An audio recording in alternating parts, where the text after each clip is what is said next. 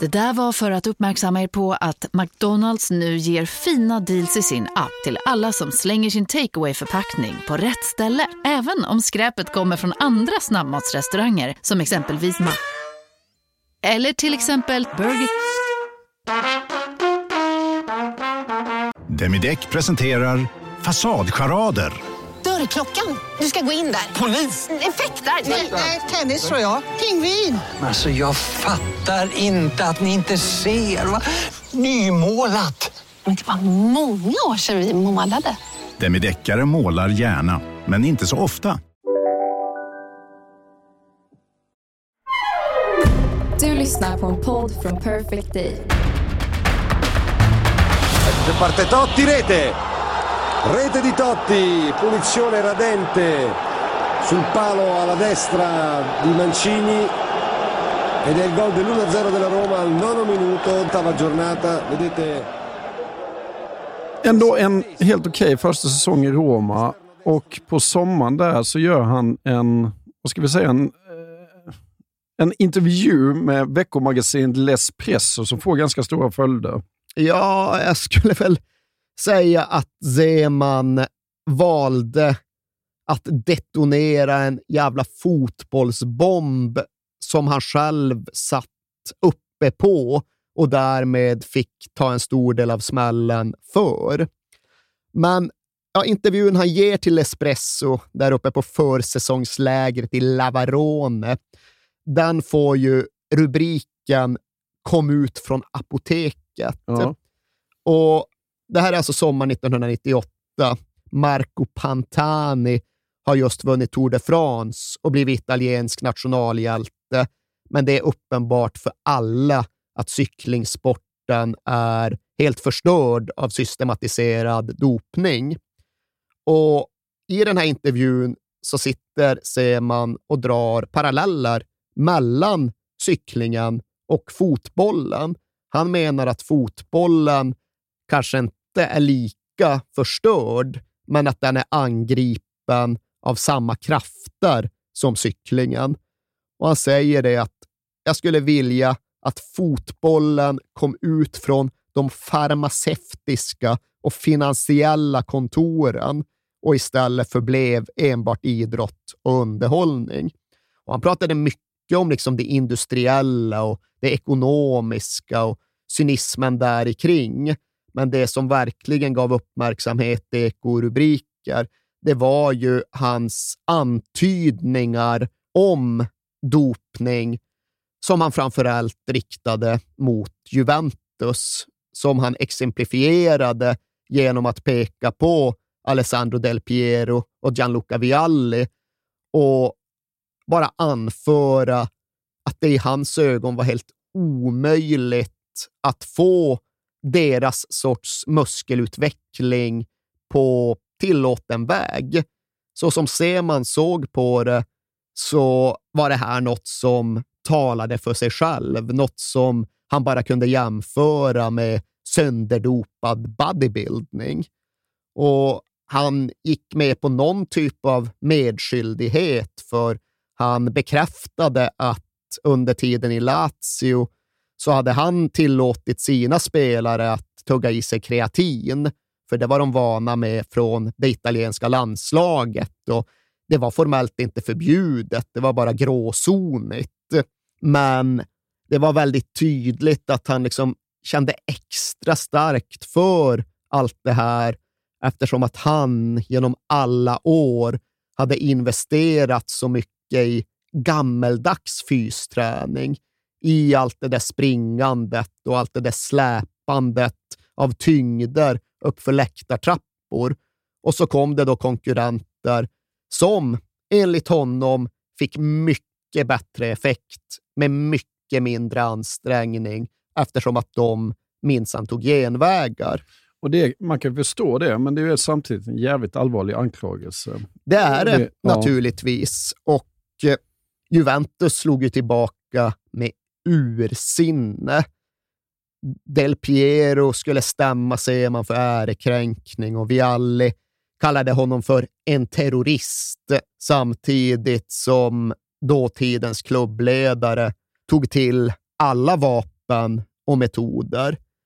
Och någonstans blev det ju också extra känsligt, infekterat och smärtsamt eftersom att det fanns de här familjebanden mellan Seman och Juventus. Alltså Seman själv hade ju beskrivit sig som en Juventus-tifosi i alla år, ja. fram till det att han själv nådde Serie A och enligt då honom förstod hur egentligen klubben agerade och opererade på den tiden. Men översteprästen Gianni Agnelli gick ut och spelade på just de här strängarna. Att vad är det du gör och vem tror du att du är som nu vänder dig mot dina egna, de som har hjälpt dig i både karriär och liv. Zeman, vi räddade din morbror från kommunismens helvete, så vem är du att komma med de här anklagelserna? Och Sema vänder väl tillbaka att ja, alltså det är jag som satt med Roberto Betega under hans tuberkulos, och jag tycker mig ha rätt att både hylla och kritisera den här institutionen. Mm. Men det går verkligen att diskutera just var personens rätt till en åsikt och det fria ordet slutar och var förtal och ärekränkning börjar. Men det var ändå inte den stora juridiska processen som den här intervjun utlöste, utan den ledde ju till att en åklagare i Turin lät påbörja en förundersökning mot Juventus för främst dopningsbrott. Och det innebar i sin tur en razzia mot Juventus träningsanläggning. Och där hittade ju de som gjorde tillslaget då 281 olika typer av mediciner och farmaceutiska ja. produkter. Och utredaren beskrev det som ja, fullt jämförbart med ett mindre sjukhus. Ja. Och de allra, allra, allra flesta var ju tillåtna, men det fanns en rad prestationshöjande medel som låg på gråzonen och fem stycken som innehöll direkt förbjudna substanser. Men nu var ju frågan som utredningen över tid, över år, skulle ta ställning till huruvida Juventus hade använt dessa substanser och produkter på ett förbjudet sätt. Men innan utredningen var färdig så skulle de ju mötas på planen också. Ja, i november 1998 så kommer då Juventus ner till Rom för att möta Roma på Olympico. Och nu har den här matchen, i alla fall för alla romanisti, fått en inramning som i grund och botten mynnar ut i kampen mellan gott och ont. Det, det är så de ser på det. Det är så de uppfattar sin egen situation och position i relation till mäktiga Juventus. Och när den så kallade triaden tar sin plats på hedersläktaren och det visas på storbildsskärmen så är det liksom historiskt höga visselorkaner mm. som utlöses på Olympico. Och triaden, alltså det är ju då Juventus klubbledning som består av dels Roberto Betega, alltså Semas gamla kompis ja. från sjuksängen på 70-talet. Och sen är det som heter Giraudo och därtill ja, den mäktigaste, mest machiavelliskt manipulativa Moggi. av dem alla.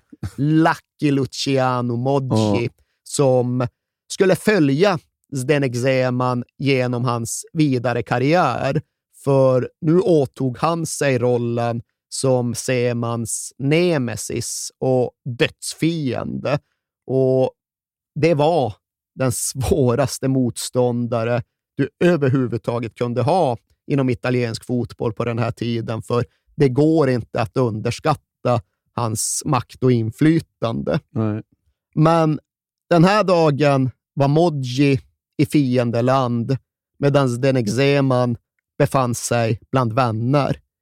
Seman Signore Lippi Spacciatore, som det stod på den stora banderollen i Kurva Sud. Alltså ser man en gentleman, medan Marcello Lippi, dåvarande Juventus-tränaren, han var minsann en droglangare. Ja. Och det räckte med att titta på Seman, med att följa honom med blicken under den här matchen för att inse att det var något speciellt och något extra laddat även för honom. Det här var matchernas match då så mycket av allt han trodde på och stod för stod på spel. Han är inte tillbakalutat sittande med korslagda ben under den här matchen, utan för ovanlighetens skull så står han upp under så gott som alla 90 minuter. Och ja, det blir ett sjöslag till match. Och Paolo Sergio gör 1-0 för Roma, en av Semans adepter som han har finslipat. Totti dedica particolare attenzione alla mascotte giallorossa. Per l'ex tifoso della Juventus Zeman una partita dai mille significati. Il suo collega Lippi è in tribuna perché squalificato, sostituito da Narciso Pezzotti. Totti è rapidissimo, è perfetta l'intesa con Paolo Sergio che scatta in posizione regolare e mette in rete. È il primo gol di piede in questo campionato per Paolo Sergio che sale a quota 5, delirio in curva sud. Rivediamo furbo Totti, prontissimo Paolo Sergio e qui vediamo anche il dramma di Peruzzi che capisce che deve fare qualcosa, la disperata su Paolo Sergio che segna davvero un gran gol. Il peso della gloria, il nome di Zago sulle spalle di Totti che ha effettuato l'assist. Och sen blir Montero utvisad för Juventus. Och till sist i 87 minuten kan Candela säkra matchen med 2-0 mål. Och då slänger Seman cigaretten i marken och ifall han slänger ifrån sig sitt nikotin, ja, då vet man att det är något speciellt som just har ja. utspelat sig. Och det är något speciellt. Det är en match med ja, men nästan unik laddning och den fortsätter ju på alla sätt även efter slutsignalen. Giro Ferrara liksom ska konfrontera och liksom gå mot Seman i spelartunneln och ja, sen följer långa fotbollsliv för alla de inblandade. Men i Roma-hörnet av Semanlandia, eller i Semanlandia-hörnet av Roma, där ses alltjämt den här matchen och den här segern som den definitiva, slutgiltiga segern. Det här satte punkt. Här vann just gott över ont och det är faktiskt möjligt, även om de har riggat hela systemet i allt från hur de använder mediciner till hur de tillsätter domare, så går det faktiskt att besegra dem. Någon gång vinner de snälla killarna, någon -huh. gång vinner den goda sidan. Det är så legenden om den här matchen skrivs bland Seman-sympatisörerna.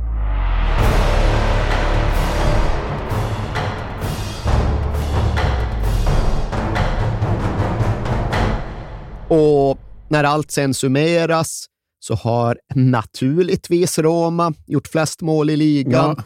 men de har missat Champions League. Inte bara scudetto, de har missat Champions League eller då förhindrats att nå Champions League. Och här ska vi väl säga att det är klart att det kan tyckas väldigt konspiratoriskt att börja se en serie av domarmisstag som en konsekvens av att Zeman gått mot Moggi, Juventus och Palatset.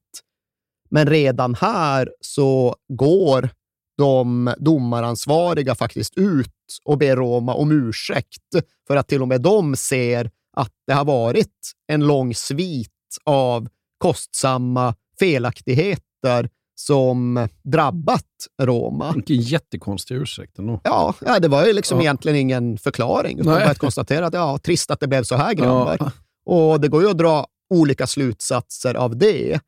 Men Roma-ägaren Franco Sensi, han drar slutsatsen att det här drabbar oss främst på grund av att Zdenek Zeman är den han är och har sagt det han har sagt och dragit på sig de fiender som han nu har dragit på sig.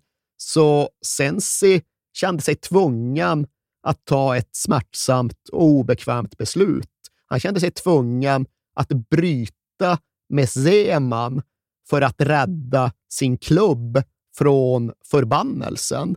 Han drog slutsatsen att det skulle vara omöjligt att vinna en scudetto eller någonting överhuvudtaget med Zeman. Det skulle inte tillåtas, utan skulle de ha en chans att lyfta bucklar, ja, då behövde han ersättas av någon mer acceptabel tränarfigur, typ en Capello eller något. Ja. Och därför så ja, men begick Franco Sensi en typ av fotbollsmord på sin egen son för att rädda den egna familjen. Någonstans ungefär så tror jag faktiskt att man får formulera sig. Och han ska även ha skickat ut den nu förlorade fotbollssonen i landsflykt, i exil. Han ska uttryckligen ha sagt till Seman att glöm Italien ett tag nu framöver, för här finns ingen luft för dig kvar att andas. En jävla orättvisa alltså. Ja, verkligen. Ja. Om man nu jag tror på de underliggande förklaringarna, absolut, men även om man inte gör det, bara tvingas förhålla sig till att Franco Sensi i alla fall gjorde det och Ja. att det var det enda som räknades och som betydde någonting. Att det var inget se man kunde göra åt det. Nej. Och vad innebär den här exilen då? Ja, den innebär ju att han lämnar Italien och det han själv då refererar till som apoteksfotbollen, domarfotbollen, businessfotbollen och ägarfotbollen. Och han lämnar den för att försöka hitta något mindre infekterat och mindre komplicerat på annat håll. Och det går väl att förstå sig på den ambitionen, men det är svårt att begripa att den leder honom till den turkiska fotbollen verkligen. och Fenerbahce. Ja. För ja, det är inte okomplicerat och avinflammerat där. Och ja, det blir ju inget bra. Nej. Inte för någon, inte för Zeman och inte heller för klubben, för de lyckas aldrig närma sig varandra. Fenerbahces spelare begriper inte vad tränaren försöker få sagt på sin obegripliga blandning av språk och de känner inte en värme för honom som gör att de anstränger sig särskilt mycket. Zeman gör väl å sin sida ingen riktig ansträngning för att begripa vad som är viktigt i Fenerbahces identitet, utan, utan ja, det blir en tuff start och det uppstår liksom, det blir en dålig relation mellan Seman och kultstjärnan Sergen Jalsin. Och jag ska inte säga att det är Fenerbahces Francesco Totti, det vore att överdriva alldeles för mycket, Ja. men han hade ändå en jäkla status och Seman struntar rätt mycket i det och skär bort honom. Och Sergen får lämna ja, men på fri transfer, han blir fri spelare och då snappar Galatasaray upp honom. Ja. Och han gör ingen succé i Galatasaray, för han är, det är en lurig snubbe det där. Ja. Men det är ändå det Galatasaray som vinner Uefa-cupen, som vinner den turkiska ligan, som vinner den turkiska kuppen. Kanske inte riktigt läge att förstärka den rivalen ifall man har kommit ja, men på någon typ av studiebesök. Nej. När Galatasaray lyfter alla de här bucklorna, ja, då är Seman redan borta. För där Galatasaray besegrar Milan och Borussia Dortmund, ja, där förlorar Fenerbahce i den turkiska kuppen mot Pendikspor från andra ligan. En förlust som ja, bland annat innebär att målvakten Rustu hamnar på sjukhus efter att ha konfronterats av ilskna fans. Men om, som i förlängningen också innebär att Seman lämnar jobbet. Ja. Och han hoppar innan han blir knuffad. Han säger upp sig själv strax efter årsskiftet för att det är uppenbart för honom att det här kommer aldrig fungera. Han är ovillig att anpassa sig. Klubben kommer inte att böja sig och lägga sig raklång för honom, utan här finns helt enkelt inte förutsättningarna.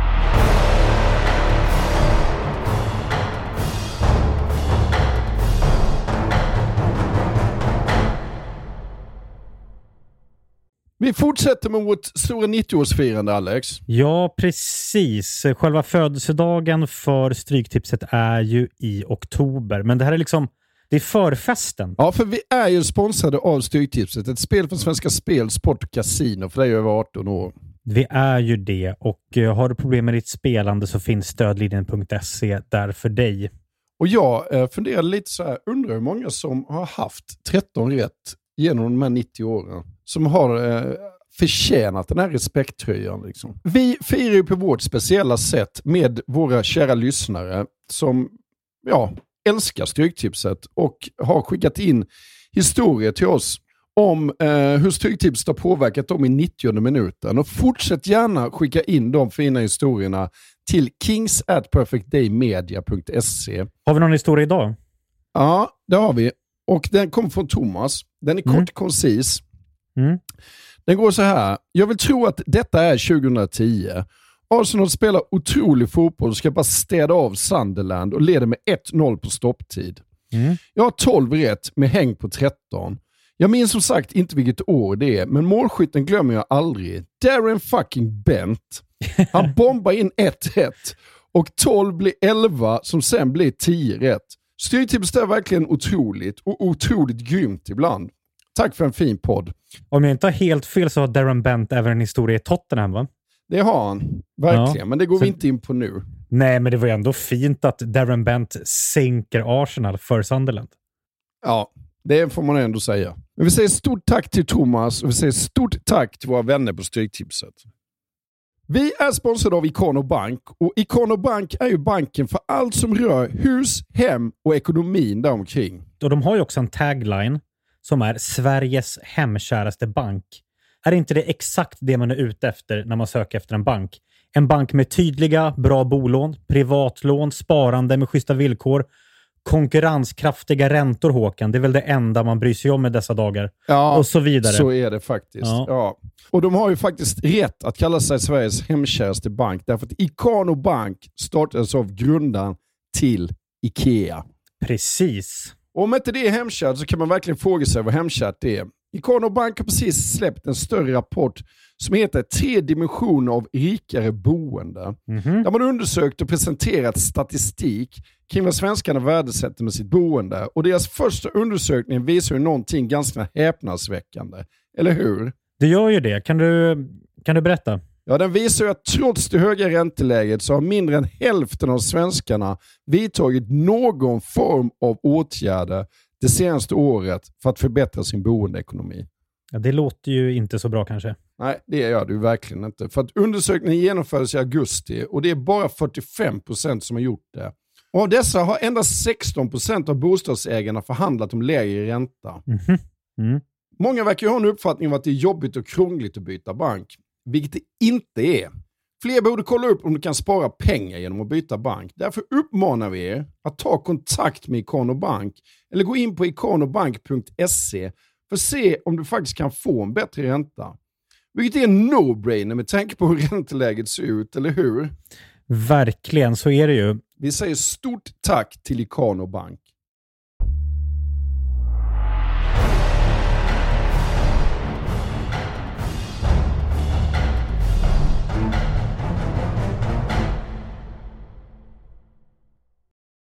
Och hela 2000-talet blev ju väldigt, väldigt stökigt för Seman. Alltså får man säga. Ja. Och till att börja med så kan det framstå som att han ändå återvänder från en väldigt kort exil. Ja, om inte i triumf så i alla fall med bra fart under julen. För han blir ju trots allt utsedd till manager för Napoli. Ja. Och det är ju inget litet jobb. Men i det här läget är det ett dåligt jobb.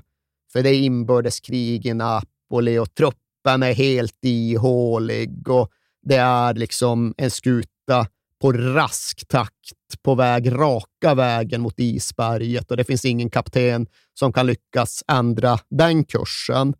Och ja, men du vet väl vad de säger om, om det här? Nej. Ja, det de säger, det de säger, det är ju att det var Luciano Moggi som såg till att Seman fick det här jobbet. Jaha. Och det var inte för att hjälpa honom. Det var för att manegen var så krattad. He was set up to fail. Han fick, ja, men han fick jobbet just för båten som skulle krascha in i ett isberg om två månader, alldeles oavsett vem som försökte styra. Han fick jobbet för att det skulle innebära att han skulle misslyckas och visa sig oduglig och omöjlig för den typen av Serie A-jobb. Det låter som typiskt Modji. Ja, det låter så jävla lömsk. ja, men det låter ju bara instinktivt ifall man inte tar hänsyn till hela kontexten som en väldigt långsökt konspirationsteori. Det skulle inte förvåna mig. Nej, det finns många som tror på den och de skulle ju bli fler och fler i takt med att systematiken nystades upp under 2000-talet.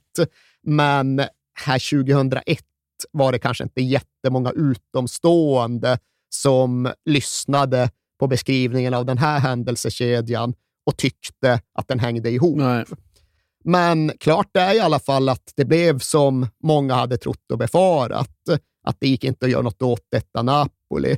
Det var noll segrar på sex matcher och 5-1 förlust hemma mot Bologna. Ja. Och förlorar du med 5-1 hemma mot Bologna i Neapel, då är det tufft. Ja. Så Ja. ser man fick kicken i mitten av november och därefter var ju alternativen plötsligt väldigt mycket färre. De var inte speciellt många och de var inte speciellt attraktiva och gemensamt för de möjligheter som ändå fanns, det var ju att de låg i Syditalien. Ja. Och där är ju då förklaringen att Modjis makttentakler inte ska vara riktigt lika starka där nere, utan de är främst sådana som höll makten i Norditalien i någon typ av järngrepp och Syditalien, men det kunde man väl släppa iväg lite Ja. grann. Där finns ju inget egentligt hot. Så... Men det, det är ju som han själv säger, ser man. Hade han inte sagt det här med doping i Juventus så hade han fått inte Milan eller Real Madrid. Ja, och det ska också föras till protokollet att innan han lämnade Roma, när hans Roma vann mot Juventus med 2-0 och liksom hämtade upp derbyunderlägen och såg ut som en titelkandidat i Serie A, då ska ju både Real Madrid och FC Barcelona ha hört av sig Ja. och kommit med erbjudanden. Men Franco Sensi ska ha lagt in sitt veto och sagt att nej, nej, nej, du ska ingenstans för du ska ju ta Roma till Scudetto. Ja. Och enligt Seman själv så ska ju då hans lojalitet ha varit för stark för att kliva av. Och vad ska sen ha varit tacken? Ja, den där dolkstöten vid säsongens slut. Ja.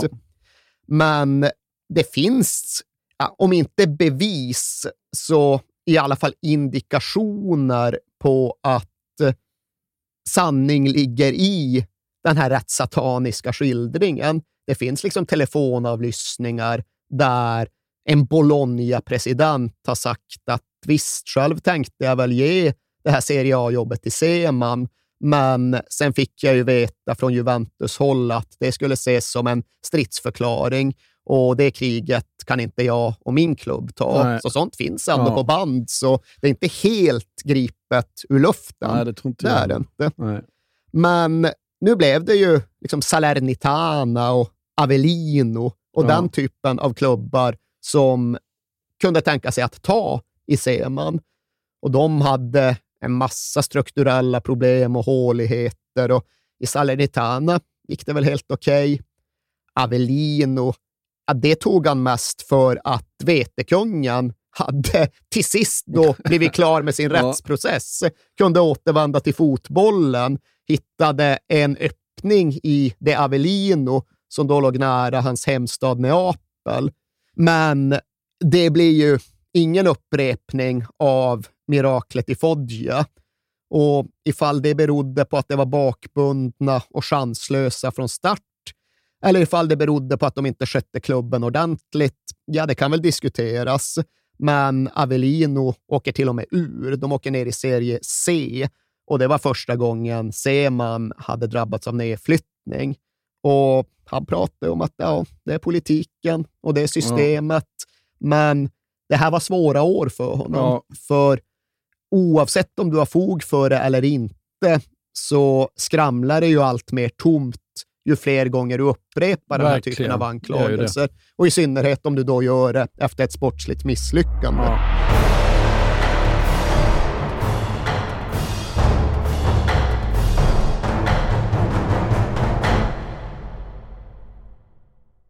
Men han var bara på resande fot i tio dagar. Ja, så han behövde inte resa så särskilt långt.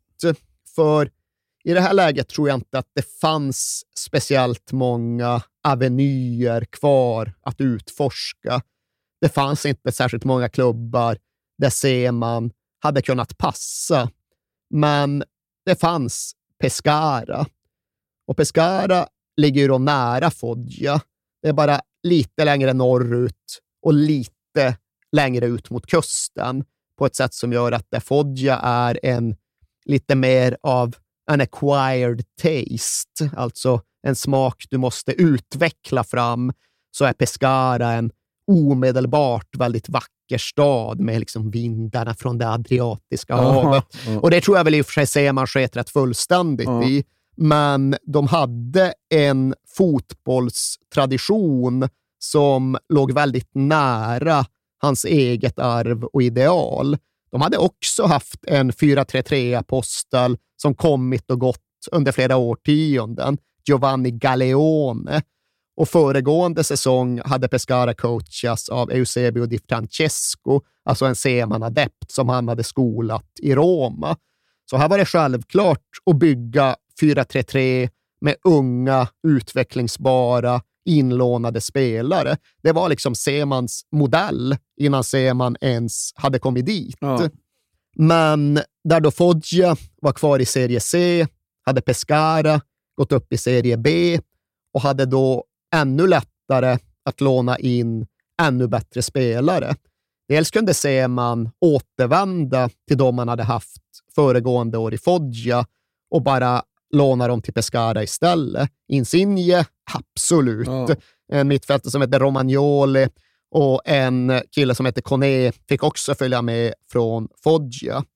Därtill hade Zeman identifierat en striker som föregående säsong hade varit utlånad till Grosseto. Han hade ändå gjort ett avtryck och han gick att utveckla ytterligare. Så Pescara lånade in Ciro Immobile Ja. och dessutom fanns det då en oslipad diamant i de egna juniorleden. En mittfältare som hette Marco Verratti Ja. som var uppenbart ganska begåvad, men som behövde lära sig att släppa bollen snabbare. För det var ju också en grej med Semans spelmodell, att skulle du vara den djupt liggande mittfältaren, det italienarna gillar att kalla för en regista, Ja. ja, då får du lov att släppa bollen framåt på ett tillslag varje gång. Inga undantag eller Nej. ursäkter. Framåt direkt med din första touch. Gör du inte det, då blir du bötfälld. Han inte gillar Jimmy Sideways, va? Nej, det är väl rimligt Ja. att konstatera. Men ja, med dagens öron så hör ni ju själva. Verratti, Immobile, Insigne i Serie B. Ja, men det, det finns så jäkla roliga historier som Insigne berättar. För att varje dag så skulle de gå upp till uh, Semans kontor och väga sig tydligen. Det var han väldigt noga med. Och så knackade man på dörren, så öppnade man dörren och då vällde det ut så jävla mycket rök så man knappt såg Seman där inne. Och då, då klagade han liksom så här. Men alltså, mister, det är inte hälsosamt att gå in här och väga sig. Och då fick han lov att ta ut vågen och ställa sig utanför och väga sig. Och jag gissar att det här var under försäsongen då spelare tappade vikt Ja. på ett snabbt och dramatiskt sätt med tanke på Det Semans framgick metoder. inte, men det var det säkert. Det är Ja. också en av de här liksom anekdoterna som är ganska åskådliggörande. Att när han först kom till Lazio, och nu är vi tillbaka på 1990-talet, då var det ju ja, men, till en stor klubb som förde sig på ett annat sätt. Så i början av försäsongen då skulle det minsann sys upp klubbkostymer, för så gjorde man i en stor klubb. Och ja, ser man tänkte inte mycket mer på det, sy upp era kostymer ni. Så gjordes det och så gick det en försäsongsmånad med Seman och sen var det inte en kostym som passade, Nej. för alla spelare hade gått ner 6-7 Ja. kilo eller något. Ja, men det låter ju som ett eh, delikat lag. Ja, alltså det är klart att det som är självklart idag var ju inte självklart 2012. Då var ju det här 19, 20, 21-åringar som aldrig hade gjort en enda match i Serie A. Men det blev ju uppenbart väldigt snabbt när de började spela fotboll att här fanns det ämne till något speciellt. Och Har du liksom tänkt, har du tänkt på att du ser ett C-manlag spela fotboll när du sett ett C-manlag spela fotboll? Eh, alltså uppställningen vid avspark? Ja, det eller? var det jag skulle till. Att det är ju det absolut första och då För att det- tydligaste tecknet Ja. på att okej, nu ska jag spela Semanlandia-boll här. Ja. Och ja, vad, vad har du sett? Nej, men alltså när, när, mot, när, de ställer upp för avspark så ställer de upp 2.08. Ja, Ja, exakt så. det, det, det är ju, har man ju aldrig sett nästan innan. Åtta spelare på mittlinjen och alla dessa åtta rusar ju framåt så fort centern har rullat bollen bakåt. Ja. Och så då, alltså vid kanten av mittcirkeln, inte 25 meter bak, utan vid kanten av mittcirkeln två mittbackar. Ja. Och en av dem tar då bollen och knackar upp den på dessa åtta framskenande spelare. Och det är inte varje match de kör på det sättet, men det var under långa perioder det vanligaste tillvägagångssättet. Och det satte ju någonstans tonen. Ja. Okej, här kommer de jävlarna och de kommer på bred front med mycket folk och med mycket fart. Ja. Och ja, men, ögonblickliga synintrycket av att här kommer det en fotbollsarmada framforsande. Ja, det förstärktes ju av hur detta Pescara fortsatte spela och hur de började bomba in mål och sen aldrig slutade med det. För ja, men Ciro Immobile, ifall vi tar honom, han gjorde 4 plus 2 på de tre första matcherna och höll sen det tempot mer eller mindre genom hela säsongen. Och i en serie B-kontext var ju detta Pescaras högsta nivå skyhög. Men de var inte färdiga och de hade ju inte den här stabiliteten som Seman-lag väldigt sällan har. Så det var ju ofta storseger, storseger, segersvit och sen förlust, förlust, förlust. Ja. De vann fem raka matcher i oktober och så upp på uppflyttningsplats. Och sen började det hacka. Och så nya tag. Sex raka vinster december, januari. Upp på uppflyttningsplats och sen en dippperiod. Och alltså, de var ju nykomlingar i Serie B, så det var ingen som förväntade sig att de ens skulle slåss om uppflyttning. Och dessutom fanns det vid flera tillfällen ganska dramatiska externa faktorer som i någon mån kunde sägas förklara formsvackorna. För han när de började förlora i januari, februari, då sammanföll i alla fall det med ja, men typ det största snöfall som den här regionen har sett på sex mansåldrar. Det kom så jävla mycket snö, alltså Mm. Metervis av snö. Och här nere vid den adriatiska kusten, alltså det är inte så att de har Lyckseles be- beredskap direkt. det finns ju inte en snöskovel i hela kommunen, så de fick ju inte bort snön. Okej, det har snöat, men kan liksom sen tänka då skotta lite grann? Det finns inga möjligheter. Så då kunde inte spela en hemmamatch på över en månad. Jaha. Det snöade för tre veckor sedan, så ni kan inte spela nu. Nej, nej, nej, det går inte. Det går inte. Och då tappade de fart. Ja. Dels för att de fick spela borta, dels för att de var tvungna att skjuta upp vissa matcher så att tabellen började halta.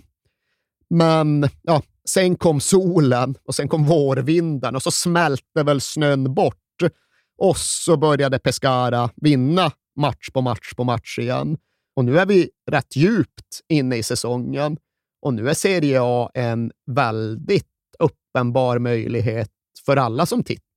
Och nu går det inte att heller blunda för de här unga extrembegåvningarna. Så bland annat Pep Guardiola är ute och hyllar Semans Pescara. Pep Guardiola brukar hänga i Pescara. Ja. En av hans polare har hus där, så han brukar vara där och liksom följde det här ganska nära. Och det gav ju honom anledning och utrymme att eh, uttrycka sin vördnad och beundran för Zdenek Zeman. Du, när du säger, var, det inte Ragnik som la sina semester för att se Seman? Jo, Förra precis, säsongen, för ja. han spela på ett tidigare avsnitt. Nej, han åkte ju tidigt till det som då måste ha varit Foggias försäsongsläger Ja. och insåg att okej, ska vi kunna spela den här sortens högoktanig pressfotboll som jag också vill ha, ja då får vi typ trippla löpträningsmängden Ja. här. För det går tydligen att köra så här hårt. Det går att köra skogspromenaderna och 20 kilo på axlarna och läktartrapporna och komma undan med det.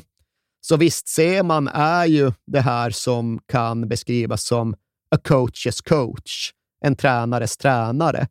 Kanske inte får maximal uppskattning av klubbägare som inte får bucklor i betalt för sina investeringar.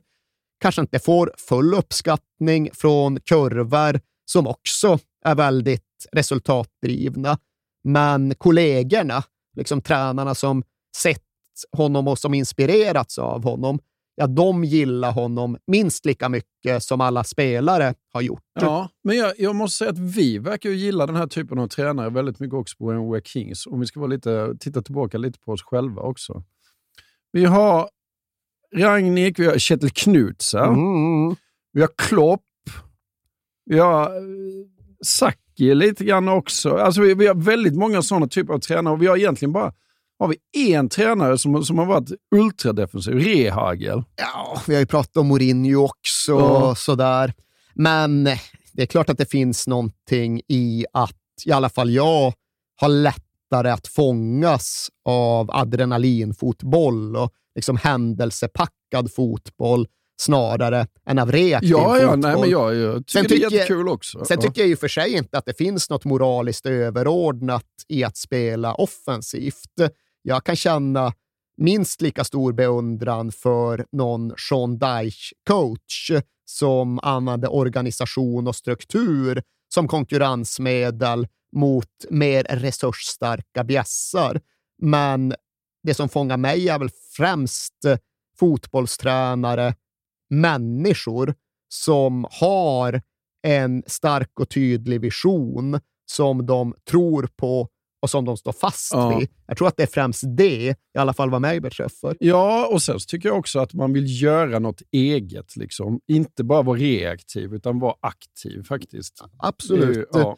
Och ja, det där kände i alla fall Pep Guardiola att han kunde relatera till. Och det här var ju under säsongen då FC Barcelona var regerande Europamästare efter att ja, kanske ha pikat där på Wembley. Så hans eh, intyg var ju någon typ av ja, men bekräftelse från fotbollsguden själv. Vet du om de träffades någonting där? Jag vet inte om de liksom satt ner och snackade fotboll som Pep gjorde med Bielsa, Nej. liksom när han flög till Argentina och satt i 14 timmar i sträck och liksom kollade på gamla VHS-er. Eh, nej, det vet jag inte. Det hände förmodligen inte, för då hade Nej. man kanske hört talas om det.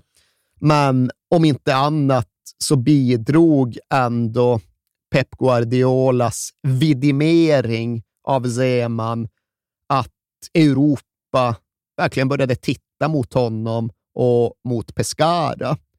Och precis då när säsongen skulle knytas ihop och uppflyttningen skulle verkställas, ja, då träffades Pescara av några riktigt hemska jävla smällar. För vissa av folket i Semans stab, de hade ju hängt med i årtionden. Hans målvaktstränare hette Franco Mancini och det var då den målvakt han hade i Foggia under mirakelåren. Han stod där redan på 1980-talet och hade sen sadat om till målvaktstränare, men var fortfarande inte särskilt gammal. Han var bara 43 eller något i den stilen.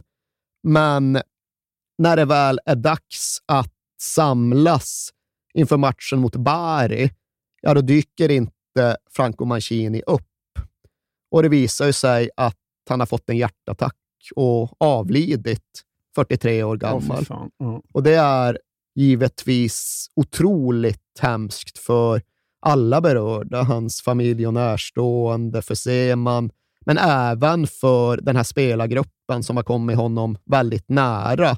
Framför allt då målvakterna som har jobbat extremt tajt med honom.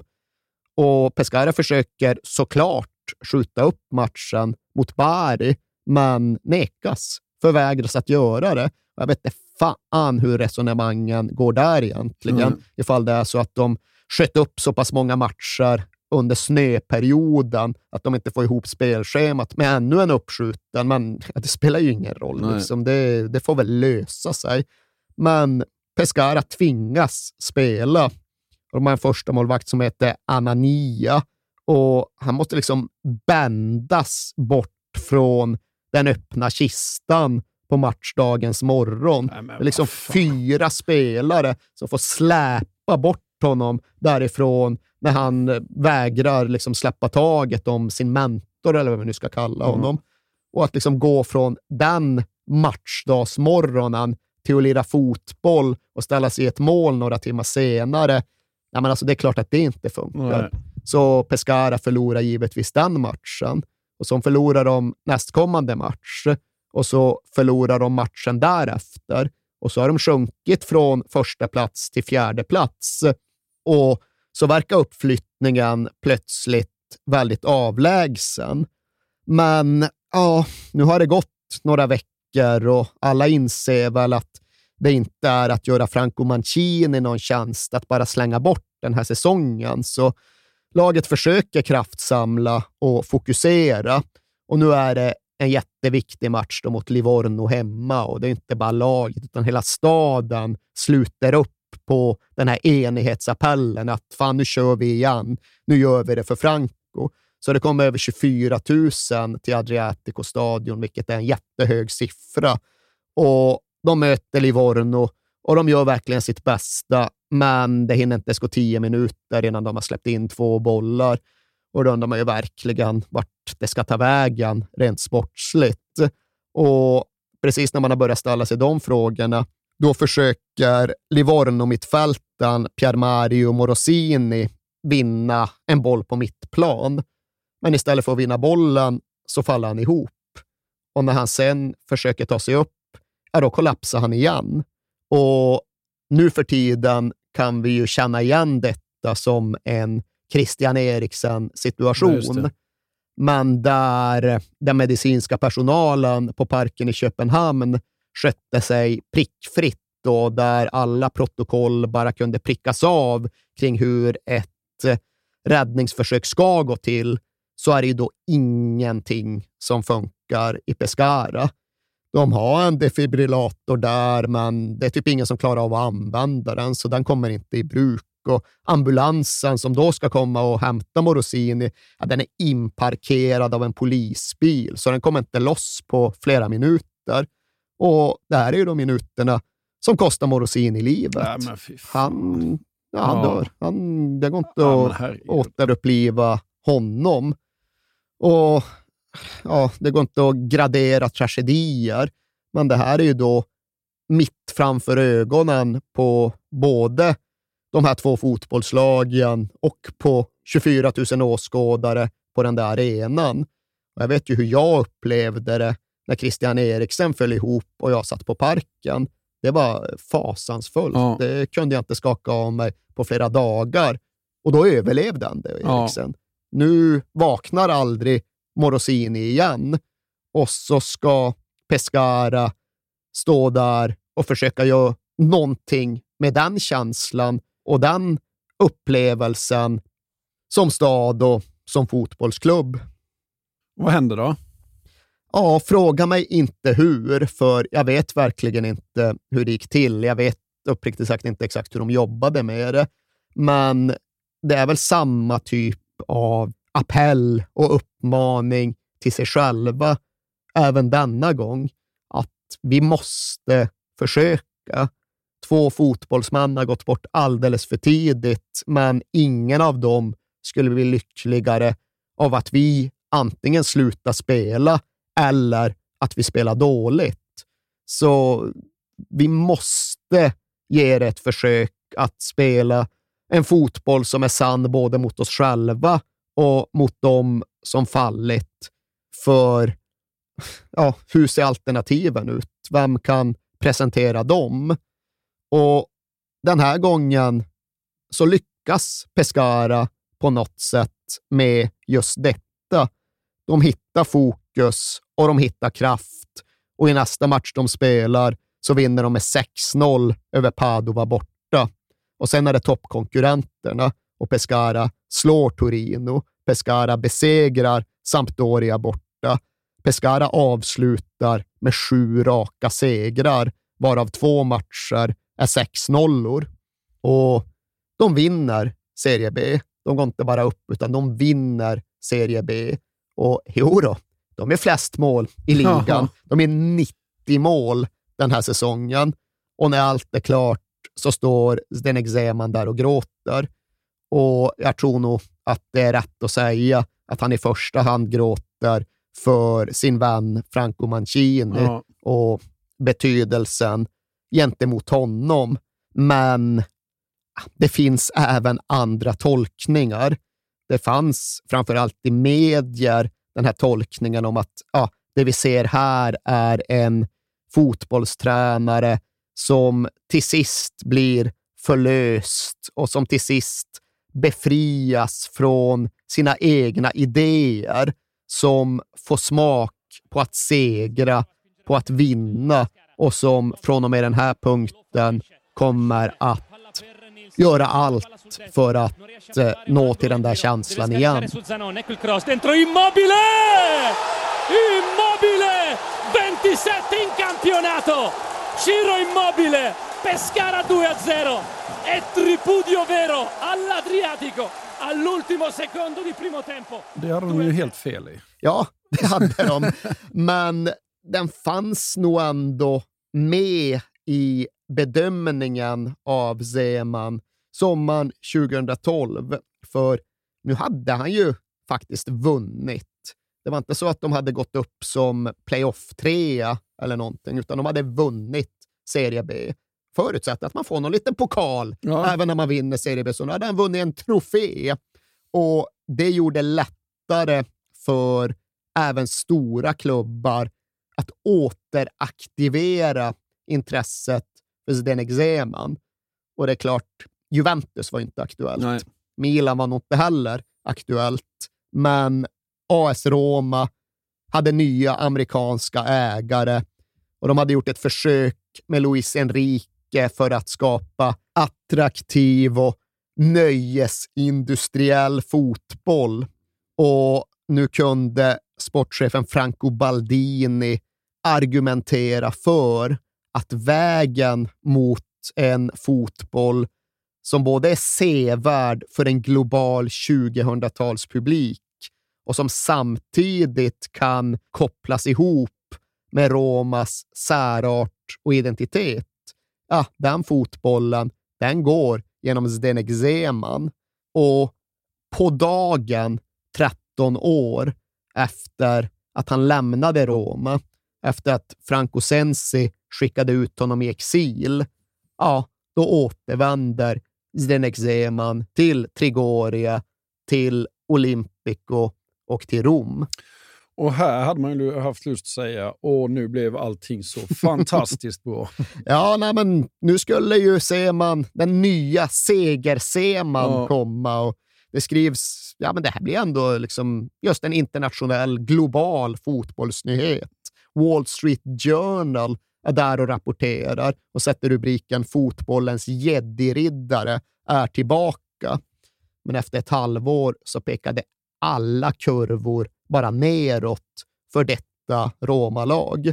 De vann inte en match in i 2013 och sjabblade bort en ledning flera gånger om i en hemmamatch mot Bologna som till sist slutade 3-3. Och dagen efter, ja, då tänkte säga men att nu jävlar är det dags att blåsa ur med en riktigt rejäl fysträning här. Och så dyker bara typ så här 10 av 23 upp Ja. till träningen. Sades att de hade varit på party i Ostia.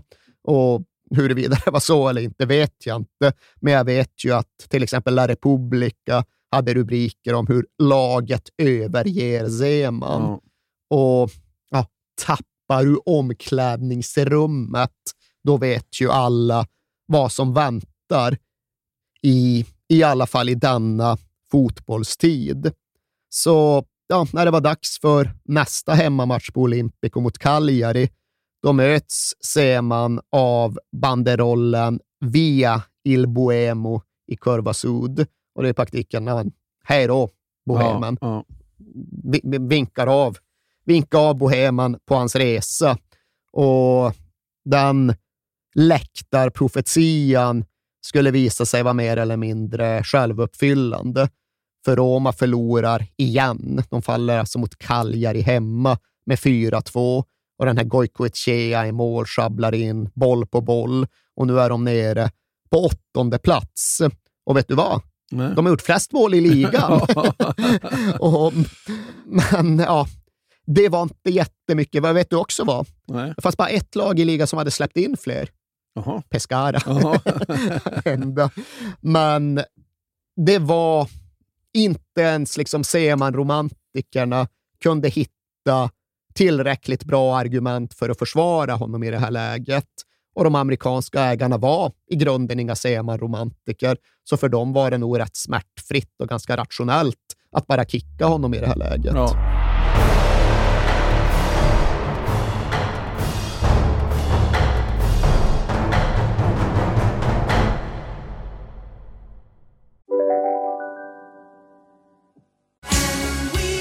Just nu till alla hemmafixare som gillar Julas låga priser. En 90 liters skottkärra i galvaniserad plåt för glänsande Jula klubbpriset 399 kronor. Inget kan stoppa dig nu. Dåliga vibrationer är att skära av sig tummen i köket. Ja! Bra vibrationer är att du har en tumme till och kan scrolla vidare. Få bra vibrationer med Vimla. Mobiloperatören med Sveriges nöjdaste kunder enligt SKI. Om en yogamatta är på väg till dig, som gör att du för första gången hittar ditt inre lugn och gör dig befordrad på jobbet men du tackar nej för du drivs inte längre av prestation. Då finns det flera smarta sätt att beställa hem din yogamatta på. Som till våra paketboxar till exempel. Hälsningar Postnord. Och vi kan ju sluta där vi började i det här med att han är omskriven och besjungen på ett sätt som förlorande fotbollstränare annars aldrig blir. Det finns ju hur mycket italiensk och i någon mån tjeckisk populärkultur som helst som utgår från Seman, hans verk, hans värv, hans arv och hans myt. finns en låt med ett band som heter La Stato Sociale som inleds med textfrasen “Jag har älskat dig i fyra år och ändå har jag aldrig pratat med dig om Seman”. Nej. det liksom indikerar väl att visst, vi har vår kärlek och den har sin mystik, men den når ju inte in till existensens innersta lager. För på en, ska man till en så hög abstraktionsnivå, ja, det är då man kan börja prata om Seman. Och ja, men sen finns den här novellen som författaren Kansonji då har skrivit. Och den är ja, men i grunden, enligt honom själv, baserad på en sann historia. Men lite för att skydda Seman så har han ändå gjort det till en typ av roman med fiktiva karaktärer. Så han har tagit den här fotbollstränaren, han har tagit Zdenek Zeman och förflyttat hans kamp mot fotbollspalatset på 1990-talet till en kamp mot fotbollsfascismen på 1930-talet.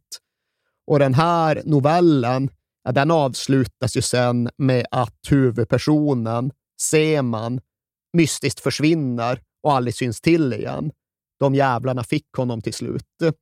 Och som sagt, den här berättelsen menar författaren själv ja, men är baserad på en sann historia, eller i alla fall en sann bakgrundskontext. Men i just det här fallet så överträffar faktiskt verkligheten dikten. För Zdenek Zeman har inte alls försvunnit. Och de jävlarna fick honom inte alls till slut. Utan vill vi ha tag på honom behöver vi komma i kontakt med hans bild av fotboll, hans syn på fotboll. Ja, då vet vi exakt vart vi ska ta oss. Det är bara att åka ner till den där bänken i Foggia och där sitter han eftersom att han aldrig någonsin förändras.